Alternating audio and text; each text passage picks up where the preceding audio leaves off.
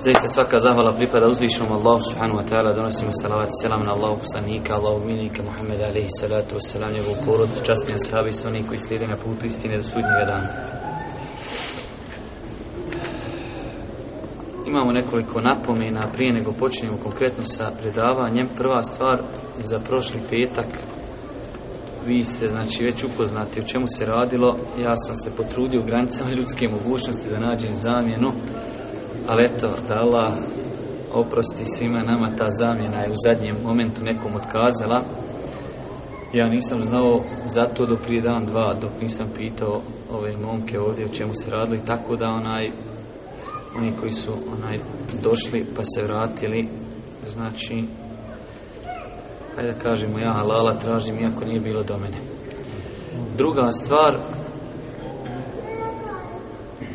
smatram nakon da treba nekoliko minuta da spomenimo u uvodnoj riječi, prije nego počnemo konkretno sa dersom, vezano ovim našim nekim zadnjim dešavanjima koja se dešavaju u Bosni. Insan se pita kako da se ponaša i kako da se postavi u svemu tome vidimo da je pokozna koji put pokrenuta velika hajka protiv islama i muslimana ja lično ne bih mnogo toga da govorim, ali želim da spomenem samo nekoliko stvari. Prva stvar, insan treba da zna da nekada određena stvar, ako je znači nastala ne kao plod njegove greške, već jednostavno nastala je kao plod želje da se neko bori protiv islama, Nekada ona u vajštini može izgledati loša i insan da je ne voli, a može istoga Allah te tela dati veliki hajr. Ne bi da navodim primjere, svima vama je poznato od samog početka Allah poslanik alaih salatu wasalam kada je došao sa poslanicom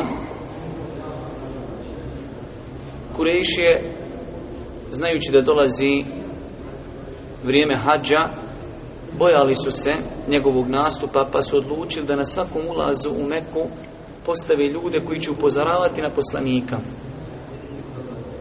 Ne znajući da su oni bili tada najveći misionari, znači svi ljudi koji su ulazili u Meku, oni su ih zaustavili, kažu pazite dole u Meku ima neki čovjek, zove se Mohamed, on tvrdi da je neki poslanik, mi za njega kažemo da je sihribaz, čuvajte ga se.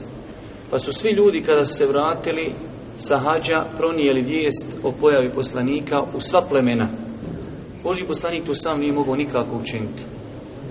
Ali, znači, oni su željeli da se bore protiv Islama, uradili su, postigli su, odnosno suprotno tome. Tako, isto uzmite 11. septembar, znači, nevjernici su željeli da iskoriste taj moment da oblate muslimane, islam, normalno da to iskoriste kao opravdanje za njihov ulazak u Afganistan.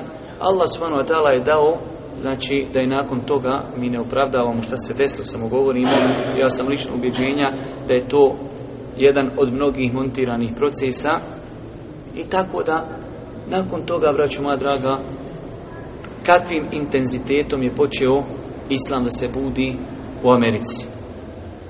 Tako i ovdje mi treba da budemo pametni to što nas prozivaju, to što nas pritišću, što, to što nas potvaraju, mi treba da budemo pametni, da ne dajemo nikoga, nikom je povoda svojim ponašanjem da nas blati. A to što će neko lagati i potvarati, mi ne možemo tu ništa. Naše je da islam prezentujemo na najljepši način ljudima koji nas okružuju. S druge strane, mi ne posjedujemo pristup medijima, ali oni na taj način bude želju kod velikog broja ljudi da se upoznaju sa izvornim islamom. Normalno, jedan od najvećih musibeta današnjih doba jeste generalizovanje stvari, tako da mi se odričemo svih onih stavova i postupaka koji nemaju uporište u islamu ali isto tako, vraću moja draga, ne prihvatamo da neko sve ljude koji dolaze u džamiju, sve ljude koji vanjštinom žele da pokažu da su muslimani, da ih stavi u isti koš. To je nepravda nakon koje nema veće nepravdi. Zamislite kada bi mi, normalno to samo prolazi kada je u pitanju islam i muslimani. I na kakvom drugom, znači polju to ne prolazi. Vidjeli ste prije par dana kada su dole onog jednog policajca u uslikali u kafani kako je zaspo, ljudi su sa njim ismijavali, skidali mu kapu, slikali se kraj njega. Šta mislite da mi sad skažemo, svi su policajci takvi, svi su pjani. Ili koliko puta se desilo da je neki političar pronevjerio pare, velike, milione i osuđen zbog toga. I niko ne kaže svi su političari lopovi. Koliko puta se desilo da neki mafijaš je uhapšen zbog ubijstva iz nekog grada Evo sad imamo utuzli dešavanja da koliko puta se desilo u zadnjih samo par dana djevojka rodi vanbrašno dijete, utuši ga, udavi ga. I hoćemo li mi zbog toga kazati, svi Tuzlaci su takvi, hoćemo li kazati zbog tog nekog političara koji je pronevjerio ono što su mu ljudi dali na povjerenje, da kažemo svi političari su isti, hoćemo zbog onog pijanog policajca kazati svi policajci su isti, i hoćemo li zbog nekog isto insana koji se ponaša ne po granicama islama, ali koji svojim vanjštinom pokazuje da je musliman, jer Amokella, hoćemo li u isti koš staviti sve ljude, e jedino u tom slučaju kad su muslimani u pitanju hoćemo. I svi na to aminaju i svi šute na tu toliku nepravdu, ali ja kažem, znači insan u pogledu toga ima jednostavno ruke pod kamenom, ne može djelovati osim da svojim ponašanjem pokaže da nije istina ono što se govori. Asa an takrahu še'in wa huwa khairul lakum. Vi nešto mrzite, mislite da nije dobro, a može Allah dati u tome hajr. Tako da naše je da ostanemo dosljedni nosioci islama, da ga prezentujemo ljudima onako kako se od nas očekuje, a to što neko možemo stati u obraz da potvara, da laži, da zbog greške jednog insana osudi sve ljude koji su vanjštinom kao i on, znači o tome ne treba puno govoriti. Mi, kao što znate, prije 15 dana u zadnjem našem druženju sa knjigom Edebor Mufred, nakon što smo govorili o pravima roditelja, o pravima rodbine, Govorili smo, braćo moja draga, ispomenuli smo sve hadise s jednim kraćim komentarom koji ima Buharija, rahmetullahi alih, spomenuo u poglavlju koji mi možemo, hajde da kažemo onako, generalno kazati da govori o pravima djeci. Zato smo mi i kazali da ćemo u nekoliko narednih predavanja govoriti o ovoj tematici zbog bitnosti ove tematike i naročito u današnjem vremenu kada imamo mnogo problema u pogledu odgoja djeci, kada imamo mnogo potrebe da govorimo o ovoj tematici jer ovo što vidimo na našim ulicama znači jednostavno je veliki pokazatelj naše potrebe za ovom tematikom pa čak i kod onih ljudi znači koji hajde da kažemo svojim vanštinom pokušavaju da budu muslimani znači primjetno je u pogledu odgoja djeci da ima mnogo nedostataka i svakako te stvari treba u grancama ljudske mogućnosti pokušati popravljati. Ja sam za večeras lučio inšalo da spomenimo neka prava koja naša djeca imaju kod nas jer je to svakako potrebno da insan musliman poznaje kako se ne bi desilo da insan zakaže u pogledu toga. Nakon toga ćemo govoriti kao što smo najavili u prošlom predavanju o nekim pokazateljima koji ukazuju na prisustvo velikog broja grešaka u pogledu odgoja djeci. A nakon toga, nakon toga ako Bog da, govoriti i o načinima, savjetima kako u današnjem vremenu odgajati djecu. Kada, braću moja draga, govorimo o pravima djeci, svakako to je jedan pokozna koji put pokazatelj savršenstva vjera, vjeri Islama, Vjera Islam, ni jedan segment ljudskog života nije ostavila ga, a da ga nije precizirala. Tako isto, kao što djeca imaju obaveze prema roditeljima, roditelji imaju velike obaveze prema djeci i vidjet ćete, inša Allah, iz izloženog te stvari. Normalno, muslimani ko muslimani, naročito u današnjem vremenu, vremenu kada se dobro ukorijenio džehl i neznanje, u muslimanskim porodicama i kućama ne svataju i ne znaju prava njihove djece kod njih. Nerijetko nam se dešava da ljudi ne poznaju svoju vjeru pa se stide kazati da su muslimani ne znajući da baš oni imaju nešto što treba drugima, nešto što treba cijelom čovječanstvu. Znajte, braću moja draga, da danas čovječanstvu ne može pomoći ništa osim islam. Danas cijelom čovječanstvu, ovom napačenom čovječanstvu, jer je danas čovječanstvo napačeno više nego ikad, ne može mu pomoći ništa drugo osim islam. Ali islam izvorni islam onako kako je objavljen od uzvišnog Allah onako kako ga je propagirao Allah poslanik ali ratu selam. Ali kažemo nažalost muslimani nesvjesni vrijednosti onoga što imaju nekada se stide i kazati da su muslimani zato kažem ne znaju šta imaju. To je primjer, ja dosta puta imam običaj navesti primjer čovjeka koji ima u kući prepunu saharu, zlata i on pored svega toga umire od gladi. A jedino što je potrebno jeste tu Saharu i uzeti iz nje zlato. Mi imamo, braću draga, Islam, imamo Kur'an, imamo hadisa Allahog Uslanika, to samo treba otvoriti i treba pretočiti u svakodnevni život. I ne bi se mučili još na dunjalu, jer ovo što vidimo sada od prostitucije, od nesigurnosti, od krađe, od razno raznih prevara, manipulacija, to ništa drugo nije do lud za postavljanja islama a ljudi kada bi živjeli po islamu svakako bi živjeli sretno i zadovoljno. Svakako, braću moja draga, kada govorimo o pravima djeci, ne možemo da ne spomenemo jednu interesantnu stvar koja je opet velika potreba današnjice, a to je djeca da bi se rodila jedini validan način jeste, braću moja draga, brak. Islam braku posvećuje veliku pažnju. Opet kažem, to je opet stvar koja je nepoznanica velikom broju ljudi današnjih doba, tako ćete vidjeti da velik broj omladinaca ne razmišlja više uopšte o braku. Svoje nagone seksualne i bilo koji drugi zadovoljava na haram način ne znajući siroma da to svakako nosi sa sobom mnoge negativnosti o kojima mi nećemo sada ali ja kažem znači islam posvećuje braku veliku pažnju Allah poslanik alaih salatu wasalam najbolji pedagog najbolji učitelj najbolji insan koji kada kročio planetom obraća se baš mladićima. Baš mladićima znajući potrebu jednog društva za omladinom kaže ja mašara šebab o skupinu mladića ko od vas ima mogućnost da se ženi neka se ženi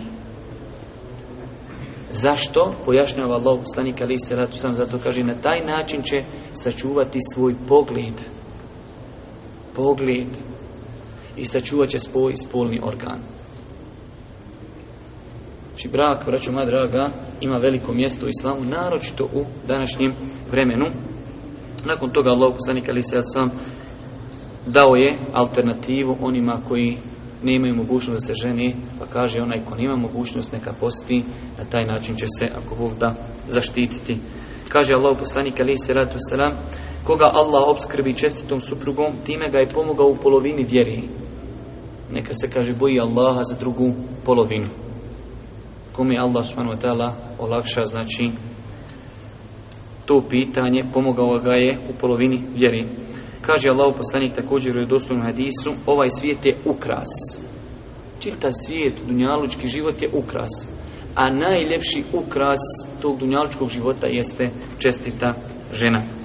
Kaže Allah poslanik također postičući u jednu ruku na brak, četiri stvari su na dunjaluku sreća, i počinje prvu stvar, kaže čestita žena. Čestita žena, znači je jedna od stvari koje je spomenuo Allah poslanik alihi salatu wasalam.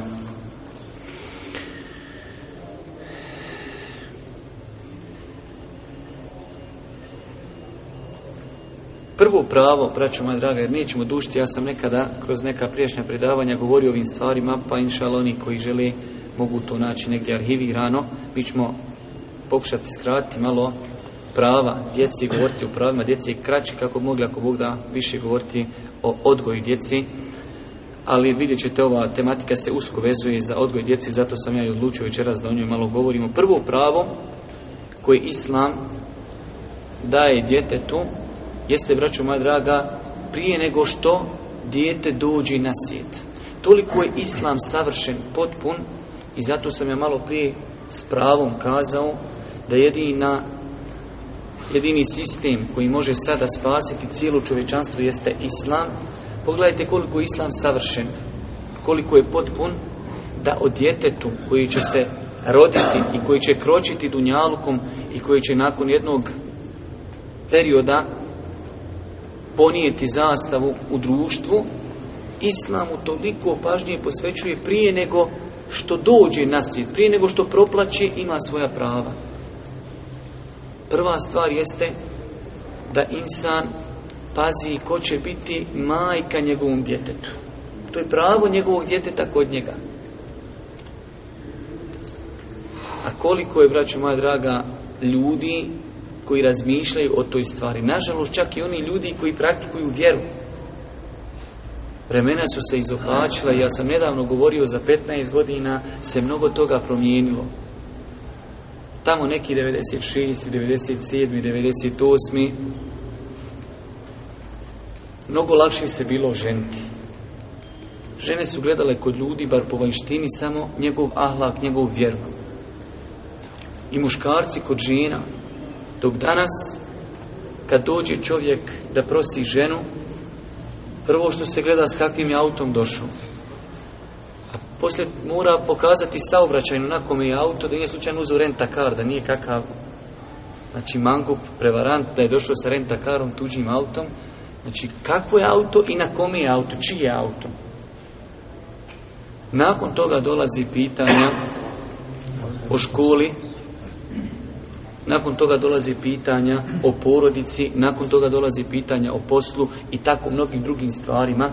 Ja ne kažem da te stvari ne treba spomenuti nikako, ali kažem da pitanje vjeri je znači potisnuto. Koliko je ljudi kada se ženi prvenstveno gledaju kod svoje žene budući te osobe njene moralne osobine. Gleda se ono ima li kakvog amiđu gore neđe u parlamentu, ima li kakvu boravnu vizu gore neđe u Europskoj uniji da bi mogla srijediti tebi papire, da ideš gore i ti raditi na bauštelu, da izrađuješ Europsku uniju i tako.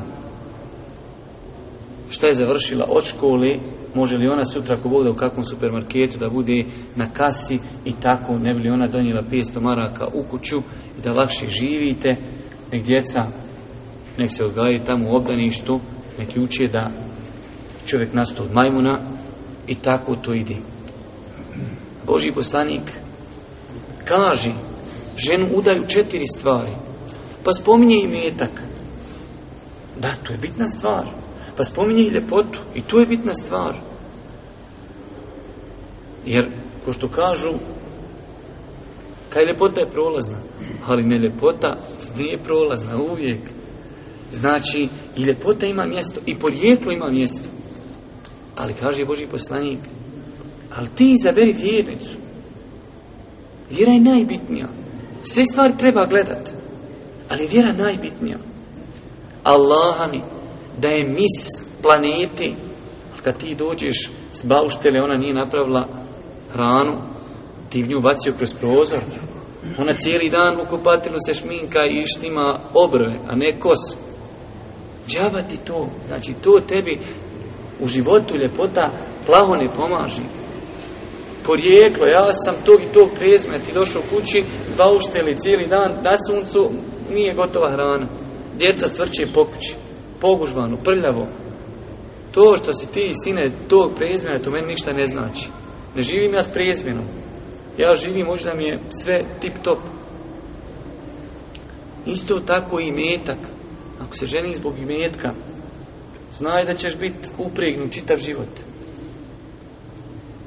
Ali vjera, vjera, to je najbitnija stvar. Zato kažemo, pravo našeg djeteta jeste da mu roditelj izabere čestitu ženu, znači da izabiri sebi za ženu čestitu osobu koja će sutra odgojiti to dijete. Vidjeli ste kada smo mi spomenuli u početku ovog predavanja koliko nas je prije nego što je dobio dijete pročitao nešto o odgoju djeci? Tako i ta žena.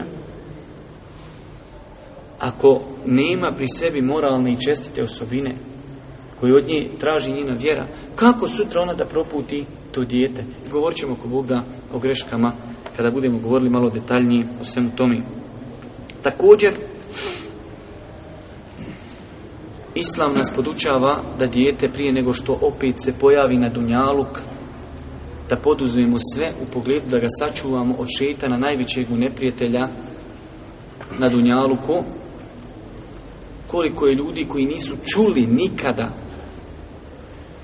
da postoji dova koja se uči prije spolnog odnosa kojom se cilja zaštita tog djeteta od šetana. Hadis koji zabilježi Buharija i Muslim da Allah kaže kada bi neko od vas prilikom spolnog odnosa kazao Bismillahi Allahumme džennibne šeitani wa džennibi šeitane ma razaktena Gospodaru sačuvaj nas šeitana, nas i sačuvaj ono što ćeš nam dati i njega sačuvaj šeitana kaže ako bi Allah dao da se iz tog odnosa znači rodi dijete kaže šeitan mu neće moći nauditi i zato ti gledaš tamo komšije fin, komšija fina, komšica fina poraca ali djeca gori nego šeitani. Šta li zapinji? Pa možda tu zapinji. Babo je možda ošao jednom najvatovcu i konta da je najbolji musliman na planeti i završena stvar. Treba li djeci, dove, ne treba to, ne kući vođa svoje djeci, nijem ja kad. Či to je pravo djeteta, braćo moja draga. Nažalost, kažem, čovjek ovako u razgovoru s braćom, ono, hajde da kažemo s braćom, s ljudima koji, hajde da kažemo, čitaju te neke knjige, to da odeš tamo nekom insanu, gore možda koji čuva ovce, navlašiću da mu kažeš ima dova, dovi se i tada se dove uče u krevetu, ma daj, kakva je to vjera, sad vi dovite i, i u to doba, pusti to, to, vi ste izmislili neke nove mezhebe. Hajde, s njima nećemo plavo se raspravljati. Čovjek dolazi u džamiju, klanja, vrti sali im po rukama, ti mu kažeš kao, ja to nemam pojma. Također, braću moja draga, treća stvar, prava djeteta, pravo koje je ugroženo danas više nego ikad, dijete još nije došlo na svijet, ljudi, pazite, još nije došlo na svijet, ali ima prava šerijat i vjera čuva njegov život još dok je u stomaku. Islamski učenjaci, ovo dobro zapamtite večeras, imaju jednoglasan stav. Jednoglasan stav, ulema. Džahili, oni se ne broje inače kad imate definiciju šta je to konsenzus, to je, kaže, mišljenje učenjaka Ovi ostali ne potpadaju tu uopšte. Učenjaci imaju jednoglasan stav da dijete kada oživi utrovi svoje majke, nakon toga ako majka uradi abortus normalno, bez opravdanog razloga, smatra se tu ubijstvom. Ubijstvo i svi dokazi koji govori, zato kada otvorite tamo knjige koji govori o abortusu i kada govori da je zabranjen abortus, to argumentuju dokazima da je zabranjen upit čovjeka koji voda po planeti. Dijete kad oživi gotovo, to je član planete, samo što je još u trbu. I ne smiješ mu nauditi čovječe. Islam mu je dao pravo, još nije izišlo iz ima svoje pravo. To nema nigdje osim islama. Ali nažalost kažem, nemoguće, danas nemoguće, saznati tačan broj koliko se abortusa učini u našoj ovoj Bosni pa i diljem svijeta. A kada bi znali te cifre, znači to insan ne bi mogu vjerovati u te onaj cifre koliko je bespravno oduzetih života. Znači, prva stvar šerija to zabranjuje, s druge strane porazgovarajte sa insanima koji su kompetentni u toj struci pa ćete vidjeti koliko je štetnosti po ljudsko tijelo od tog čina. Hvala uzvišnom Allahu koji nas uputio muslimane na to da onaj smo to shvatili. A nažalost kažemo živimo u vremenu kada je svakodnevno u Bosni stotine abortusa u cijelom svijetu i stotine hiljada. Ali kažemo Islam je onaj zagarantovao insanu njegovo pravo još dok je i utrobi svoje majke. E sada se postavlja pitanje, pogledajte, dijete još nije izišlo uopšte na, na Dunjaluk, a Islamu toliko prava garantovao. Je li moguće da je Islam toj fazi ljudskog života toliko pažnje posvetio i onda dijete izlazi i onda kaže, hajde, sine, nek te vode tamo u obdanište, Nek te oni tamo kumi kako hoće. Jel to, to, tako bi to bilo, braćo je kontradiktorno. Da islam, još nisi došao na svijet, dao ti toliko prava i onda kad doješ na svijet kažu, odite ga tamo u neke jasnice, položite mu otave i neka tamo uči druže Tito, mi se punemo, da zato u džehennem idemo ili da je čovjek nastao od majmuna i tako dalje. Je to moguće? Nemoguće. To bi, braću moja draga, bio nedostatak u islamu kad bi bilo tako. Ali nije tako. Islam odmah dok dijete iziđe, dao je smjernice kako se ponašati prema tom djetetu. Pa primjer radi, spomenut ćemo nekoliko stvari, nećemo plaho dušiti. Islam nas uči i od prava djeteta jeste da mu roditelji lijepo ime daju. Koliko puta se desilo da dijete trpi na svojoj koži. Ne na babu neće trpiti, on nadje djetu loše ime i ljudi se čitav život ismijavaju sa njegovim djetetom i njegovim imenom. Pa čovjek u poznim godinama, u 30. u 40. mora mijenjati ime. A naša vjera nas uči da razmišljamo o osjećaju djeteta kroz budućnost na način što će ga ljudi zvati imenom. Zato kaže Boži poslim, najljepša imena su što znači, ima oni imena koja nisu lijepe. On kaže, najljepša su imena Abdullah i Abdurrahman. A što znači, ima oni imena koja nisu lijepa. I desilo se više puta u vjerodostojnim hadisma da je Allah poslanik ljudima čija imena nemaju lijepa značenja ili imaju loša značenja, da im je preporučavao da zamijenu ime. Boži poslanik je znači preporučio da se djeci daju lijepa imena. Nakon toga dolazi nam sedmi dan klanje akike, kurban, povodom rođenja djeteta. A možemo kazati da se nakon rata taj sunnet počeo malo oživljavati, ali opet, braćo moja draga, u uskim krugovima. Mi to možda, hajde kažemo, interno malo znamo, akika i to nam je poznato. Ali otiđite kod ljudi, ovako malo iziđite u masu, pa ga pitaj znaš šta je akika. Nemaju ljudi pojma. I ne samo da nemaju pojma šta je sunnet, već su oni prihvatili ono što im puše ozgovor iz pravca nekulturne Europi, pa su prihvatili proslavu rođendana, koja nema nikakve osnovi uvjeri. Haj dobro, prihvatili tu. jel stalo tu, Čime se proslavljaju dan, Na koji način se proslavljaju dan? Muzika, alkohol, droga, blud i mnoge druge stvari. Pogledajte kako ljudi odu iz jedne krajnosti u drugu. Poslanik ti preporučuje i to će koristiti tebi, tome djetetu, da onaj koji u mogućnosti sedmi dan po rođenju djeteta zakolje kurban svome djetetu. Pa muslimani su zapostavili taj sunnet i preuzeli preuzeli ono što su mogli vidjeti na serijama kako zapadnjaci organiziraju rođendanske fešte svojoj djeci Jerhamukella pa su to oni slijepo prihvatili i e, braću moja draga žalostno je kako ti naši muslimani ali to je sve u nedostatku spoznaju onoga što oni imaju, kako privataju negativnosti zapada.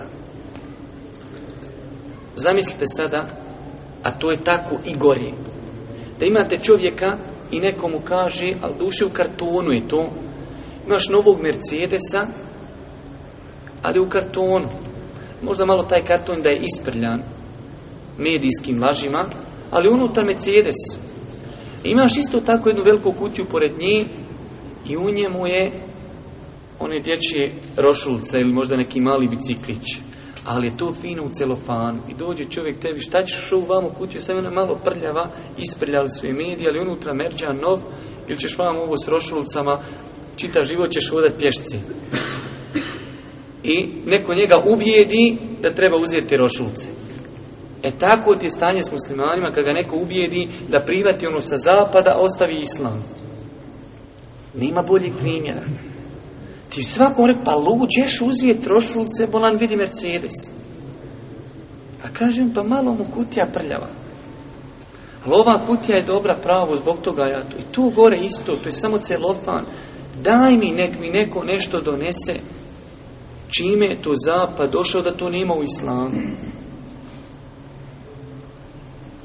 Ali zato koliko je sa zapada nama došlo nekulturi, grijeha, nemorala. A mi to uzimamo, upijamo ko spužva. Ali kažem, tu se vraća na korijen, a to je korijen, mi nismo svjesni šta imamo. I onda kad nisi svjestan šta imaš, ne preostaje ti ništa drugo nego da oponašaš drugi. Nakon toga pravo djeteta jeste, vraću moja draga, sunne činje, hvala svevišnjem Allahu, to bar bošnjaci kod sebe imaju, iako muslimani, generalno gledajući kroz historiju, bili su dosta puta ismijavani zbog prakticiranja tog sunneta, onoga što im je naredio njihov gospodar. Gospodar stvorio insana i naredio mu da se sunneti. Obrezuje, pa su zapadnjaci dugo vijekovima ismijavali muslimane zbog tog postupka. Dok nisu došla ova naprednija vremena, kad kažem naprednija, mislim u pogledu onaj tehnologiji, pa ćete naći velike doktore u 60. i 70. godinama kako u Americi, tako u Rusiji, tako po Europi, da su bili najveći protivnici obrezivanja, a da su u 90. godinama prije 20 godina postali najveći pobornici obrezivanja gdje su kazali obrezivanje treba da bude rutinski čin dok se dijete rodi treba da se suneti. Kad su shvatili koliko koristi nosi u sebi obrezivanje. Tako da kažem hvala Allah, se, e, mogućim kod nas to bar ljudi prakticiraju u velikom broju slučajeva iako se zna desiti da roditelji zapostave tu stvar pa djeca, znači, da kažemo, poslije su prinuđena da se možda stide toga što su njihovi roditelji to zapostavili. Također od prava djeteta koji ostavlja velikog traga na dijete jeste, braćo moja draga, pravo djeteta jeste prirodan način izrani Opet jedna stvar koja je itekako zapostavljena o razlozima za postavljanja nećemo govoriti. Može se desiti da žena rodi dijete i nakon određenog kraćeg perioda mjesec, dva ili tri, jednostavno prestane joj mlijeko. Dobro, Allah Đelšanu ne duži nikoga osim granicama njegove mogućnosti. Šta možeš sad? Ništa. Ali se radi da žene namjerno to ostavljaju čuvajući svoje grudi, normalno prepisujući to ponovo od zabludjeli zapadnjaka svoje dijete hraneći plastikom i tamo onim prahovima, zato sutra dijete kad odraste, odrastu na konzervama i odrastu na prahu, nijemo ništa, da mamo šamari, da joj kaže neću, da je zakolje pa je izreže u kurbane pa je stavi u zamrzivač, pa da je zapali, da je otruje, da je zbode. Ništa, zašto? Pa šta ga vezuje za tu njegovu majku? Dijete koje je dvije godine dojilo mlijeko svoje majke, na tome je naraslo njegovo tijelo i kroz njega, kroz njegovu krv, čitav život okola, Boga mi, teško je, teško je pojmiti da dođe insan na taj nivu. Može se desiti, ali kažemo, tamo ga odgojile neke perave, one zapakovane u konzervama, šta će dijete sutra poprimilo osobine od divljih životinja, pa se ponaša kao životinja. Također, od prava djeteta jeste da ga roditelji u granicama mogućnosti poduče propisima vjeri, pogotovo onim bitnim propisima, temeljnim načelima vjeri, namaz. Boži poslanik je preporučio u sedmoj godini da se djeci već naređuje obavljanje namaza u desetoj godini, da se djeca čak odgojno istuku zbog namaza. Analogno tome djeca se uči i postu, djevojčice se uči hijabu. Još to nije obaveza djetetu, prije nego što postane punoljetno, ali je to vid navike. Zamisli dijete u 15. godini, punoljetno i ti mu kaže, e sine, od danas, do danas ništa, od danas, sutra, Danas si punoljetan, sutra imaš pet namaza da klanjaš. Do juče čerka nosila pretelice, neke tamo, kako se već zovu, ili pretelice, ne znam, nija, neke kratke supci sutra, e, sutra čeri, od sutra, sutra punoljetna, sutra trebaš hijab nositi. Nije. Nemoguće.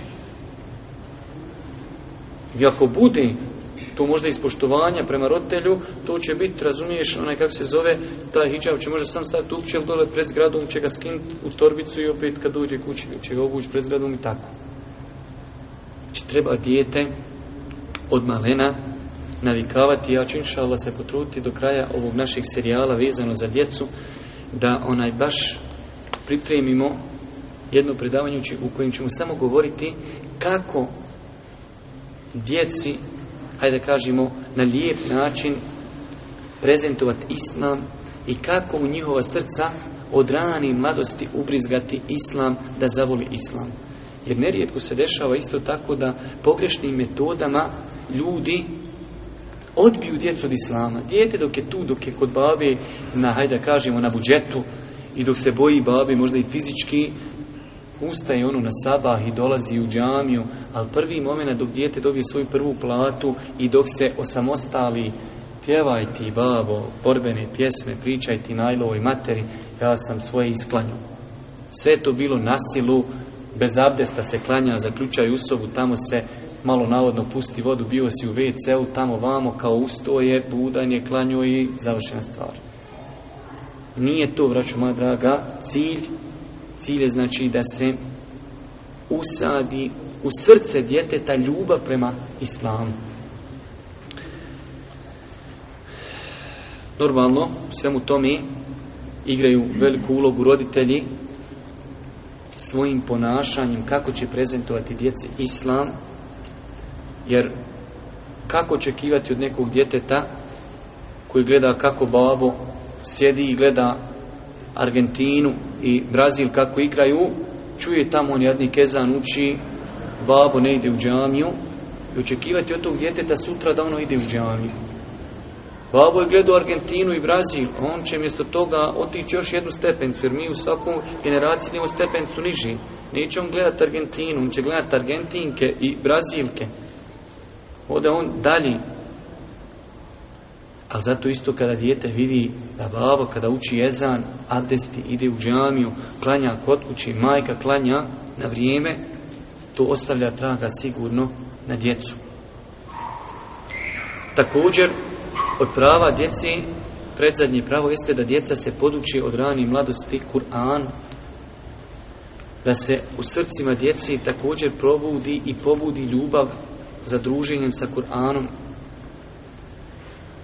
da im, hajde kažem, u ranoj mladosti, braćo moja draga, ubrizgamo u njihove vene te inekcije, kuranske, da im to ako Bog da bude vodila kroz čitav život, da se od malena nauče sa Kur'anom. Imamo mi taj problem tih 50 godina komunizma pa naši roditelji možda nečiji su znali učiti Kur'an, ali se to najviše odrazilo na nama, pa mi nismo naučili, sad dolaze naša djeca i tu dolazi znači taj vakum, problem mi ne znamo, a osjećamo potrebu da trebamo učiti djecu. Babo, brada mu dopupka, ali još uči na transkripciju, kad prouči i kamet ili ezan, dao mu ne smara kada ga ne ponavlja, i tako dalje. Či, znači, braću moja draga, kada su u pitanju djeca, djeca su Allahom i veliki kapaciteti, mogu učiti mnogo više nego što mi možemo zamisliti, samo znači treba na lijep način raditi sa djecom. U svakom slučaju imate vjerodostan hadis koji je šeha Albani rahmetullahi alihi vjerodostojno ocjenju, gdje se kaže da će doći na sudnji dan pa će se roditelji odjenuti odjećom koja će vrijeti kao dunjaluk i sve što je na dunjaluku. Pa će kazati gospodaru, zbog čega ova odjeća? Pa će im kazati uzvišeni Allah, jer ste vaše dijete podučili Kur'anu. Između toga i prije, znači toga će se ukazati velike počasti kroz ovaj hadis isti, znači roditeljima koja, koji su svoju djecu podučili Kur'anu.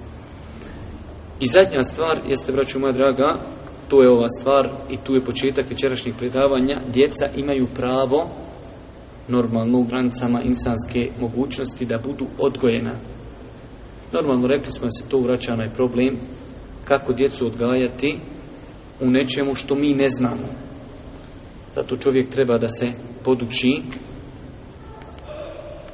da uzme, hvala uzvišnom Allahu mi na našem jeziku, bar ja što znam imamo dvije dobre knjige prevedene koje govore o odgoju djeci, čovjek trebao da se potrudi da ih nabavi, da ih iščitava, da se druži sa tom literaturom i da ako Bog da u to budu neki put okazi kroz život kada je u pitanju odgoj djeci, jer braćo moja draga, čovjek, rekli smo, ne može usaditi uputu u srce svoga djeteta.